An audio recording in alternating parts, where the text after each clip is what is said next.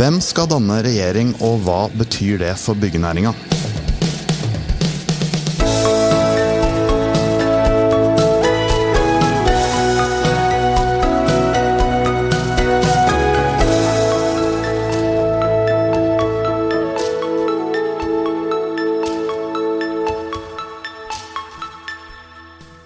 Hei og velkommen til en ny episode av Byggeindustrien og bygg.nos podkast Byggeplassen.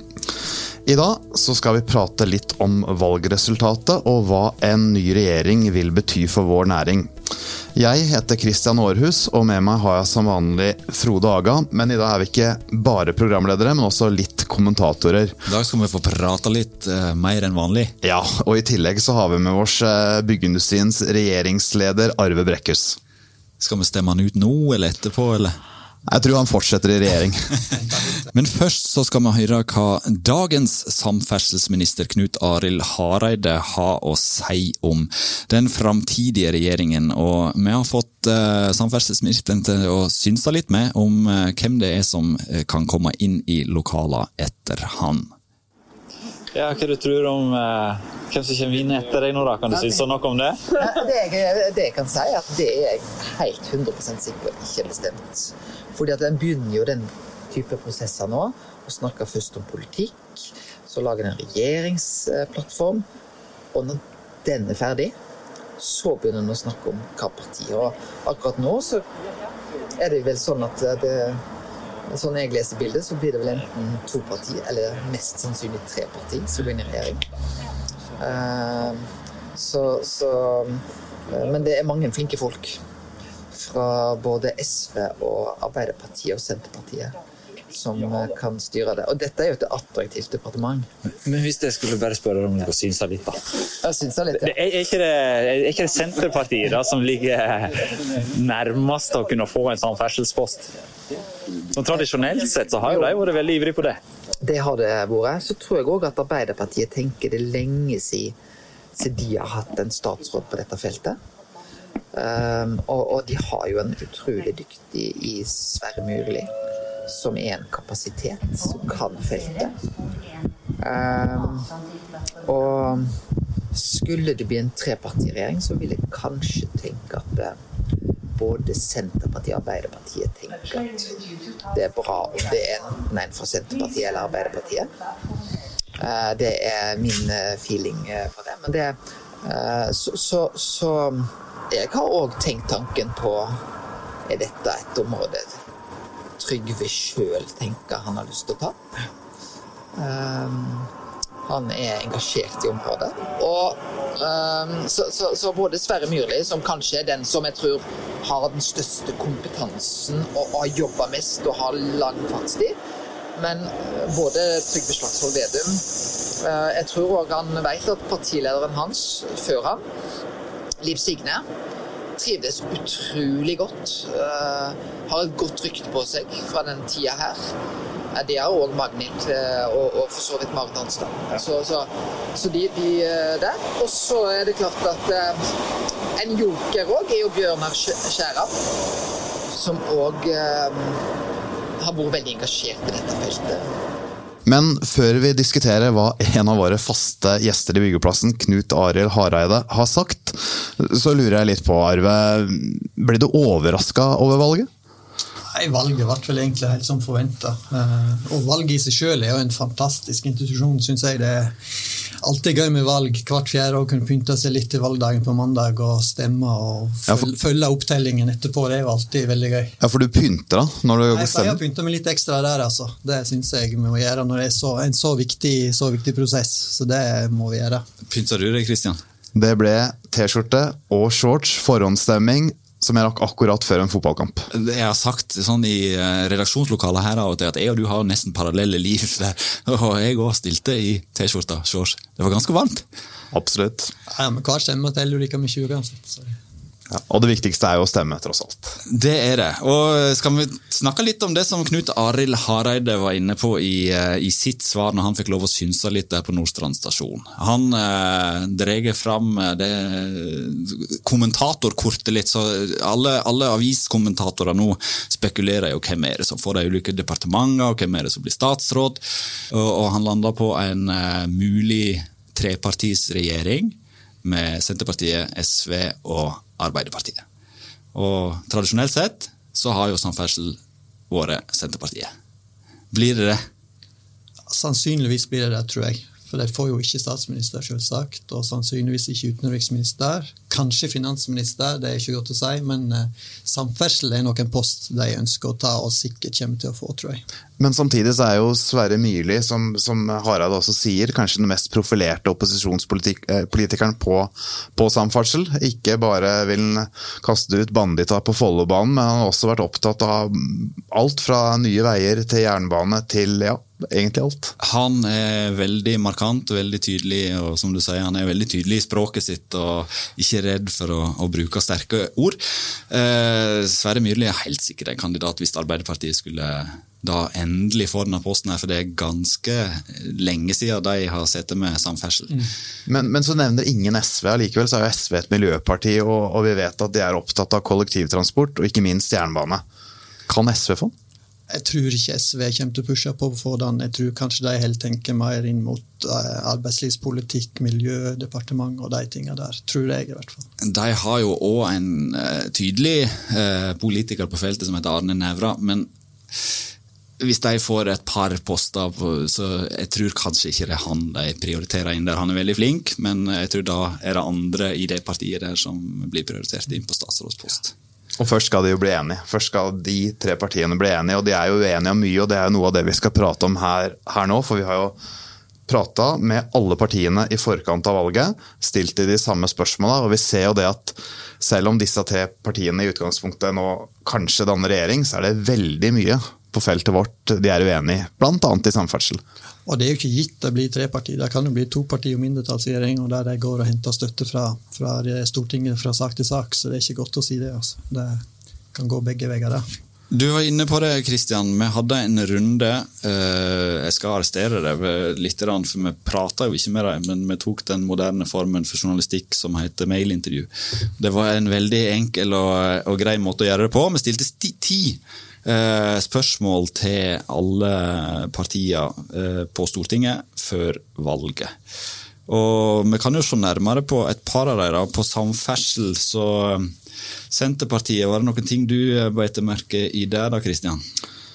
Det er jo dette med distrikt, og jeg tror jo at i motsetning til SV, som sier de ikke vil bygge kapasitetsøkende motorveier, så tror jeg Senterpartiet er interessert i det. For å knytte by og land sammen. I hvert fall land og land sammen. Og så var et spørsmål som har vært oppe, som spesielt Fremskrittspartiet har vært eh, ivrige på, er jo nye baner. De har jo hatt, eh, i hvert fall tilsynelatende, suksess med, med, Nye Veier. Nå har jo det blitt litt motstand der og på, på tallene.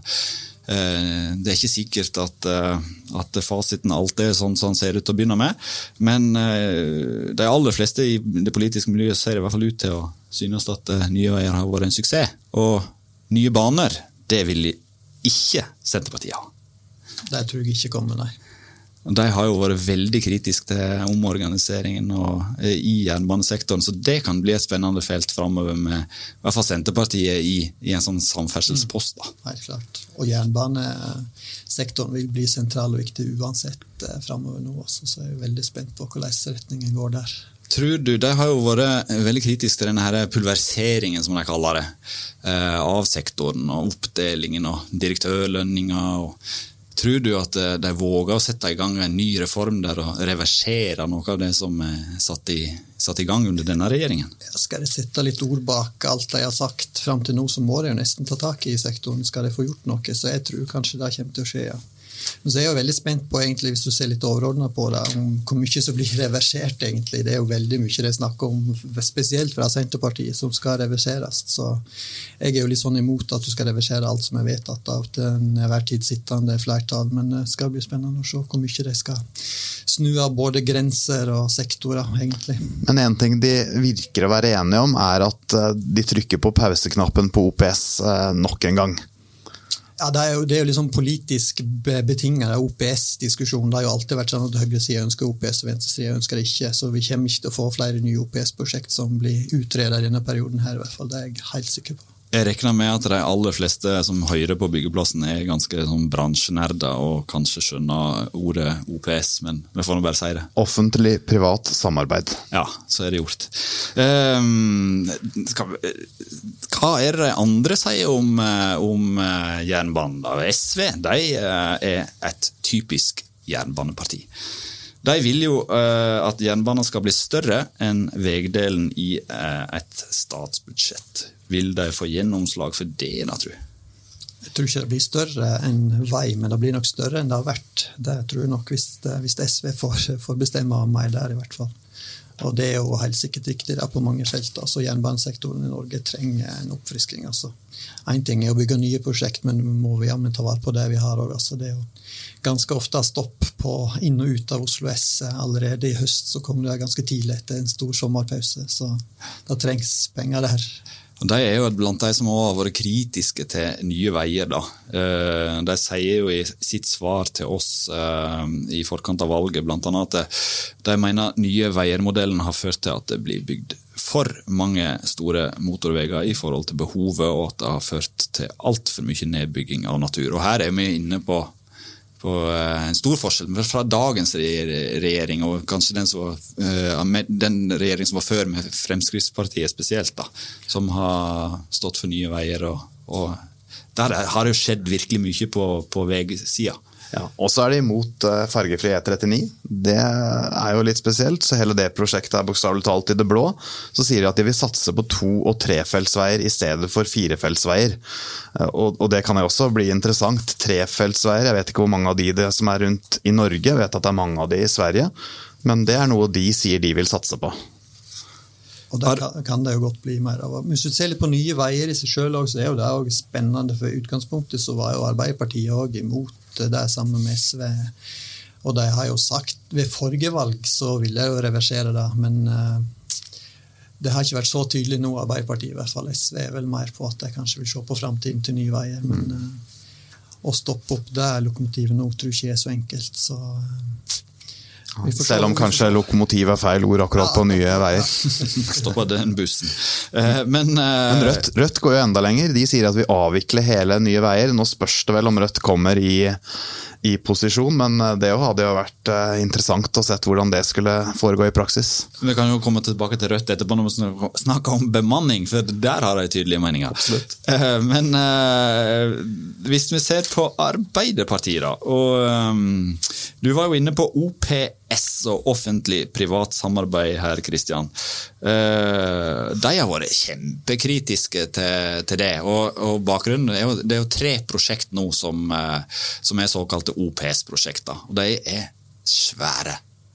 Ja, det er jo kjempestore prosjekt som har vært debattert veldig mye. Om det blir nok eh, lokal konkurranse, ikke minst, har vel vært hoved, hovedpoenget der.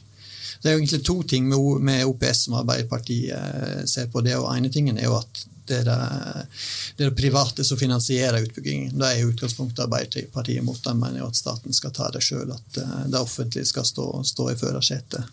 Pluss at størrelsen har blitt så stor at det blir vanskelig for, for norske å bli med på en del av prosjektet. i hvert fall. Så eh, De har vært ganske tydelige der. Så flere store OPS-prosjekter blir det ikke nå de neste, neste åra som blir starta opp. Utenom de som er pågående, selvsagt. Men det påvirker jo også selvsagt diskusjonen uansett om det er OPS eller ikke på de store prosjektene. Så det skal bli spennende å se om de store gigantprosjektenes tid er forbi, eller om det vil fortsette. Ja, akkurat det tenkte jeg jo på. For alle de partiene som nå skal i regjering, sier jo nettopp det. Gigantprosjektenes tid er forbi. Vi skal ha prosjekter som flere, og da fortrinnsvis norske, kan være med å konkurrere om. Ja. Eh, og det er, jo ikke, det er jo ikke tull å si at det er gigantprosjektet her. For eh, Sotrasambandet nå, den eh, har jo da hadde ei ramme på 17,5 milliarder. Nå, vips, opp i godt over 20. Så det var noe av det siste Hareide måtte gjøre, å gå til Stortinget da, og be om, be om mer penger der. Eh, er modellen i seg sjøl Vi snakker jo ofte med Frode Nilsen eh, når vi snakker om eh, kontraktstørrelser sånn, for han er en av de tydeligste på det i bransjen. Han er administrerende direktør i LNS, eller kanskje konsernsjef, rett å si. Og han snakker jo alltid om det at risikoen blir jo betydelig større jo større kontrakten blir, og da blir òg det dyrere. Har han et poeng? Det er helt sikkert et poeng der òg, men det er jo diskusjon om det der i bransjen òg. Noen vil jo ha de store gigantprosjektene, mens noen vil det ikke. Så det kommer jo litt an på hvordan selskapet er innretta det her. Så det er nok meninga og begge retninger der. Det er ikke to, to streker under det svaret heller. Og, og det, det, siste Hareide omtrent gjør, er jo å fremme og lansere denne KVU-en. Starte arbeidet med den på Nord-Norgebanen. Et gigantprosjekt på 113 milliarder. Og når den er 113 milliarder i dag, hvor langt, langt forbi er vi kommet da i det kan fort bli en dobling for den. ja, og, da, og, der har jo både SV og Senterpartiet vært veldig positive, mens Arbeiderpartiet jo fremma forslaget om en utredning av banen, og også da i utgangspunktet kanskje er positive, selv om de ikke viser ja eller nei ennå. Men ja, det kan bli ganske spennende, det der. altså. Det kommer til å bli jobba mye med Nord-Norgebanen. men jeg er usikker på om vi jobber i byggindustrien den dagen jeg setter spaden i jorda på prosjektet. Det er jeg ikke så sikker på. Men tenk hvor uh, viktig det vil være for fiskerinæringen der oppe, og, for, og ikke minst lokalbefolkningen, men uh, næringslivet der oppe. Ja, det er jo å blåse livet i en landsdel, da, men så er det jo de oppe i Nord-Norge som ønsker at de skal heller bruke de pengene på veiutbygging i Nord-Norge istedenfor på ei stor jernbanestrekning. Ja, og, og, Derfor er det også interessant å se at Statens vegvesen har ansvaret for akkurat den KVU-en, selv om det er jernbane. Mm. Skal vi gå over på et annet tema, og så sklir vi sikkert innom samferdsel eh, i løpet av eh, praten igjen senere òg med. Ja, Da er det naturlig å gå over på klima. Klima som var den store samtaleevnet. Og, og, selv om MDG kom under, under sperregrensa, så, vært, så, er det jo interessant å se hva de mener. Hva, hva svarte de, Frode? Du, de svarte det var ikke spesielt overraskende at de skulle heller bruke penger på eksisterende veier enn eh, kostbare motorveier. Og jernbane står jo eh, sentralt for MDG. Ehm, de eh, er ikke spesielt positive til Nye Veier. De sier at eh, Nye Veier har vist seg å ikke ta hensyn til annet enn byggetid og byggekostnader, og naturen og andre interesser er tapere. Og eh, Jernbaneprosjekt sier de at det er ofte kompliserte, går gjennom områder med mange interessenter, og derfor er de skeptiske til å bruke en Nye Veier-modell i jernbanesektoren. Mm. Um, og de vil jo selvsagt òg uh, jobbe for en fossilfri byggenæring. De vil uh, flytte skatt fra arbeid til forbruk, sier de, og øke avgifter på utslipp og bruk av ressurser. Så ja, de hadde jo veldig tydelige miljøkrav til bransjen. Og de, de, lå jo veldig godt an en stund, men nå havner jo de liksom midt imellom. De kommer jo ikke noen vippeposisjon, de kommer ikke i regjering, så hvor mye reell makt de får, det skal jo bli spennende å se. Men det, det ble ikke sånn som de håpa, men det er jo sikkert pga. at miljøet ble så viktig tematikk i, i, hele valgkampen, uansett at de andre partiene tjente på det, og Miljøpartiet egentlig de falt litt under som et, en sånn ensakspartiløsning. så og SV er jo sterke på miljø. Absolutt, og alle, alle, partiene her sier at de vil ha insentivordninger på, på miljø, og spesielt retta mot byggenæringen. Da. Så, mm. så, kan det bli spennende om det skal bli et type momsfritak for eh, elektriske gravemaskiner, selv om vi har prata med mange om det før i byggeplassen, og mange er kanskje enige om at det er mer symbolpolitikk enn en reelle utslippskutt. Yes, og Vi var inne på eh, Sosialistisk Venstreparti, som da kanskje går inn i en sånn regjering. da, og eh, Vi spurte jo dem om hva krav de ville sette til klimagassutslipp eh, for bygg- og anleggsnæringen. og De kikka til Oslo, de. Utslippsfrie anleggsplasser, fornybar, bærekraftig drivstoff. Og, men sier at, samtidig at de ikke har tidfesta dette. Men ja, hvor langt fram i tid kan vi se her da, før, før at sånne krav blir, eh, nasjonale på Ja, det kommer litt an på, for Senterpartiet, selv om de er for eh, nullutslippskjøretøy og anleggsmaskiner, så er jo de også veldig opptatt av at, at dette skal være noe man kan ha i hele landet. Og, og de ser at kanskje investeringene vil bli store for små og mellomstore ute i bedriftene, som ikke er kommet like langt på utviklinga innen akkurat det her, som man har gjort i Oslo. Så du får en sånn klassisk by og land-kamp der òg. Ja, Vi har jo hørt den debatten der på elbil. Ja, og den er ganske lik, tipper jeg, på anleggsmaskiner. Ja. Jeg tror det vil komme ganske mye inn det feltet. der, så Jeg tror en del av byene og kommunene og fylkene egentlig også vil konkurrere om å være best i klassen der. Så jeg tror det kommer til å komme ganske fort der, og bransjen ønsker jo egentlig å pushe på sjøl. Og Elektrifisering er jo én ting, men jeg ser jo at biodrivstoff, altså løsningene der, òg brer om seg nå. Altså, og biodrivstoff eh, og måten det blir laga på, er noe helt annet nå enn det var før. Så jeg tror kanskje det blir veldig mye av det fremover. I startfasen, i hvert fall. Og så var vi inne på insentivordning og sånne ting. og eh, Oslo kommune, som òg ble nevnt her, eh, de har nå ordna en støtteordning for eh, ladestasjoner for, eh, for tungtransport og, og busser. Så det, det kommer vel på plass eh, ordninger der som kan dra en sånn utvikling videre. Eh, vi nevnte eh, Rødt i stad, med, og bemanningsbransjen. Den, mm. når vi skrudde på eh, valgvaken, hvordan så du den, forresten? Det gjorde jeg. Ja, da, da var det pizza framme hos oss, altså familien, og koste oss med, med Bjørnar Moxnes når han kom inn og snakket om ja, Om jeg koste meg eller ikke, skal, jeg er nøytral, skal ikke si noe om det. Men uh, han, uh, han var, snakket i hvert fall om noe som jeg uh, beit meg merke i, for det er så sentral del av, av byggenæringen. da, Bemanningsbransjen. Ja, det er vel første han nevnte, egentlig, var det i seierstaden. holdt jeg på å si. Det var det. Det er jo ikke tvil om at eh, arbeidsliv og, og seriøsitet og sånne ting, det står høyt på lista når eh, Rødt setter opp eh, et partiprogram.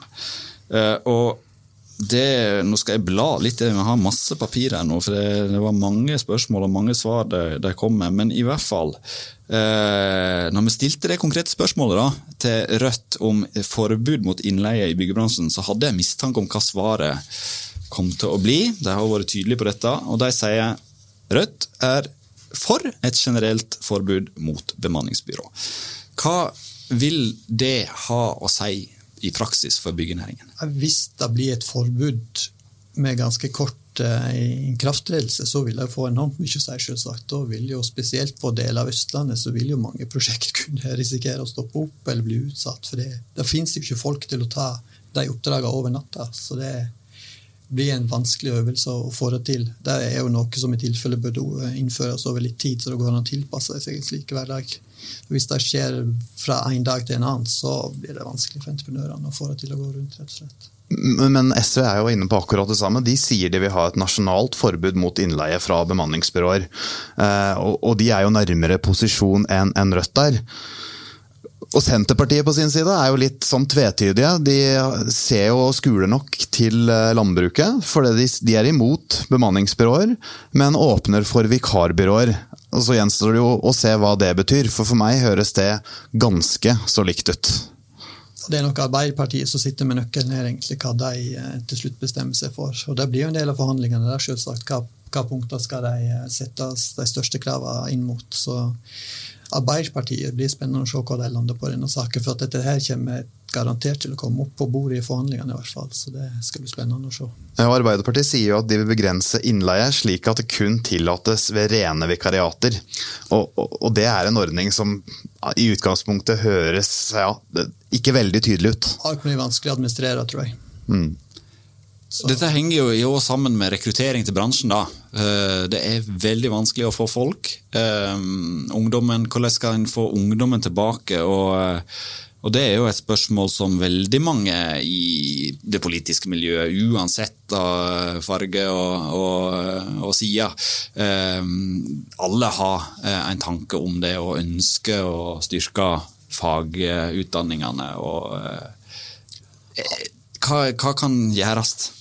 Alle har vel et samme ønske her om å få flest mulig til å ta på seg arbeidsklær og komme ut som fagarbeidere. Men eh, det er ikke noe enkel quick fix her. altså Jeg skal like å høre de som mener de har løsninger på hvordan de skal få til det på en enkel og god måte. Her tror jeg det er langsiktig arbeid og det legger til rette for god, jevn aktivitet og sørger for at fagarbeideren stiller sterkt, og at det blir stilt krav om det i, i offentlige kontrakter, som vi var litt inne på, at det blir en del av modellen når det offentlige skal kjøpe inn, kjøpe inn sin tjeneste. Sette krav om bruk av lærlinger og fagarbeidere. Det tror jeg er eneste løsningen som vil virke på sikt der. Arbeiderpartiet var veldig tydelig der at, uh, i sine svar at fagarbeiderløftet er, det er blant de viktigste sakene, sier de. Og um, det skulle vel tyde på at, at det vil komme høyt opp, hvis, mm. eller, eller, når, får vi si. Jeg tror alle, alle får jobbe mot, mot, den retningen. Så gjelder det bare å ikke bare snakke om det, men faktisk gjøre noe med det og, og, og sette litt økonomi og, eh, og fakta bak, eh, bak, ønskene, rett og slett. Ja, jeg snakket med han uh, Jørgen Legård i Byggenæringens landsforening. Er, han har jo alltid jobba mye med utdanning og politikk og vært, aktiv der. Han sier at Byggenæringens landsforening de, de støtter Arbeiderpartiet sitt forslag om å etablere et nasjonalt senter for yrkesfagutdanning, og at et sånt senter det skal inneholde inneholder utvikling av yrkesfager, læreplanarbeid, eksamensarbeid og partssamarbeid mellom arbeidsgiver, arbeidstaker og myndigheter. Eh, en konkret bestilling til vår kjære Jonas og co., sa han. Eh, tror du han får som eh, Hva tenker det? Er det mulig å få, få som bestilt. Jeg tror det her er et av de områdene hvor det er enklest å bli enig. Det er jeg overbevist om. Alle ser nytten av flere fagarbeidere, og alle bør gjøre mer enn det som har vært gjort hittil. Så det er jeg egentlig trygg på. Skal vi kikke litt tilbake da på hva denne Det er jo åtte år med, med Høyre og Erna, og ja, det har vært ulike konstellasjoner her nå eh, på slutten. og um, Det har jo skjedd mye i byggenæringen i løpet av åtte år. Det er helt klart gjort. Det har vært åtte år med ganske bra og god aktivitet, selv om det har vært litt sånn småkrise innimellom, og ikke minst med pandemien. så må jeg jo si at det har vært åtte bra år for byggenæringen, og spesielt for samferdsel har det jo vært et gigantisk løft. så Det har aldri blitt brukt så mye penger på bygging av ny vei og jernbane som vi har gjort nå. så fra et byggenæringsperspektiv så må vi jo si at har vært, eh, åtte egentlig innholdsrike og gode år. Men det er jo en fin overgang til boligpolitikken, for der, der det, bruker man jo lengre tid enn man noensinne har gjort. Vet at det er over fem år i snitt på å regulere en boligtomt i Oslo.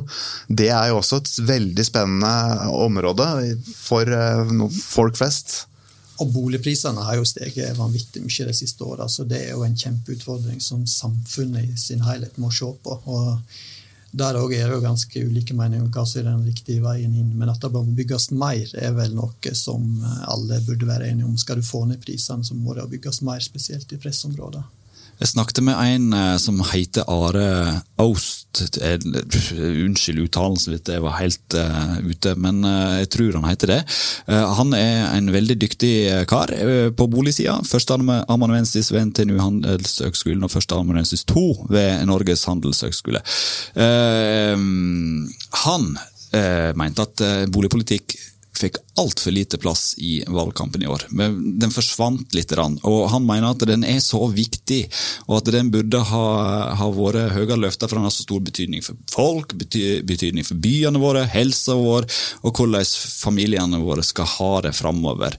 Og så sier han det at grunnen til at han tror at det drukner litt, er at eh, når, når vi skriver om boligpriser, så blir det aldri snakke om at det som er ei krise. For det at 80 av oss eier vår egen bolig, og så tenker man oi, dette var jo en fest, nå blir jeg rikere. Mm. Mens når bensinpriser og, og, melkepriser går opp, så er det krise på, på forsidene.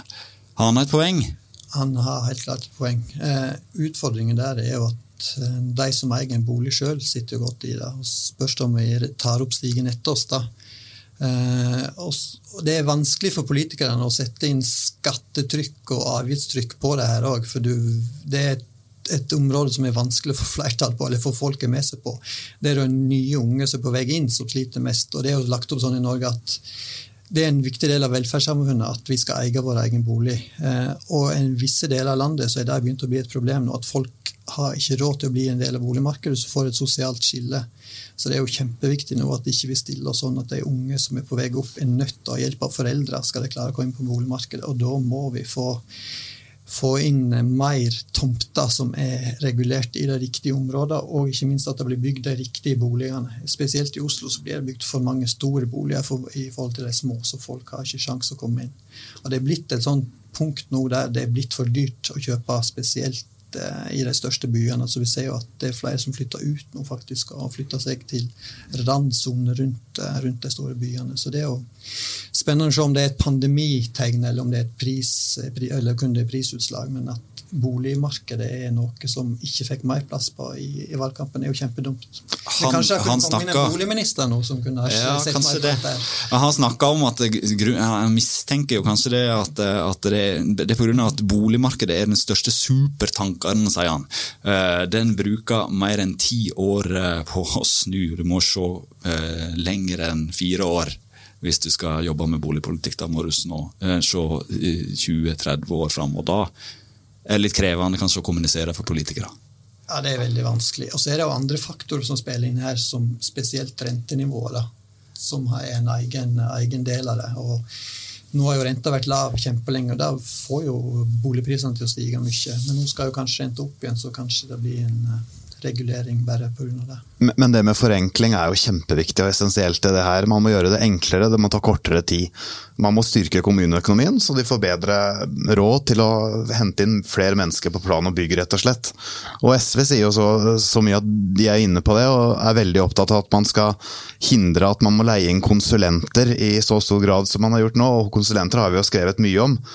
Hva tror dere om konsulentbruken i de neste fire åra? Er det sånn at nå skal man heller ansette enn å leie inn, eller hva, hva tror du Frode? Du har vært inne på ja, temaet. Ja, jeg har vært inne på temaet noen ganger. Men eh, det, når det gjelder garasjeforenkling, da, så, eh, så mente jo Sintef her eh, var eh, ute og mente at de forenklingene som er gjort der, det er så krevende at du som menigmann må leie inn en konsulent, og ende opp da med å betale kanskje mer enn det du ville gjort i et gebyr til kommunen for å få gjennom byggesaken din, selv om det er søknadsfritt. Mm. Så at uh, forenkling er forviklinga i noen tilfeller, så noen kommuner sier det kan jo hende. Mm. Så det er ikke Der igjen, da. Er det to streker under det svaret? Det er ikke sikkert. No. Nå er vi i ferd med å rote oss ut på, på vidden her, og for at vi skal gjøre det så enkelt som mulig, så har vi sagt at det skal være en halvtime. Men før vi gir oss, skal vi, skal vi synse litt om hvem vi tror danner regjering? Vi må vel nesten det. Hvem begynner? Jeg kan godt begynne. Jeg tror egentlig utgangspunktet er de tre partiene som i sonderingssamtaler nå, altså Arbeiderpartiet, Senterpartiet og SV, klarer å komme sammen til slutt. Altså jeg tror SV skal jo sende på uravstemning eh, resultatet de blir enige om i forhandlingene, hvis de kommer til, en enighet. Men eh, jeg tror SV ikke vil la denne sjansen gå fra seg.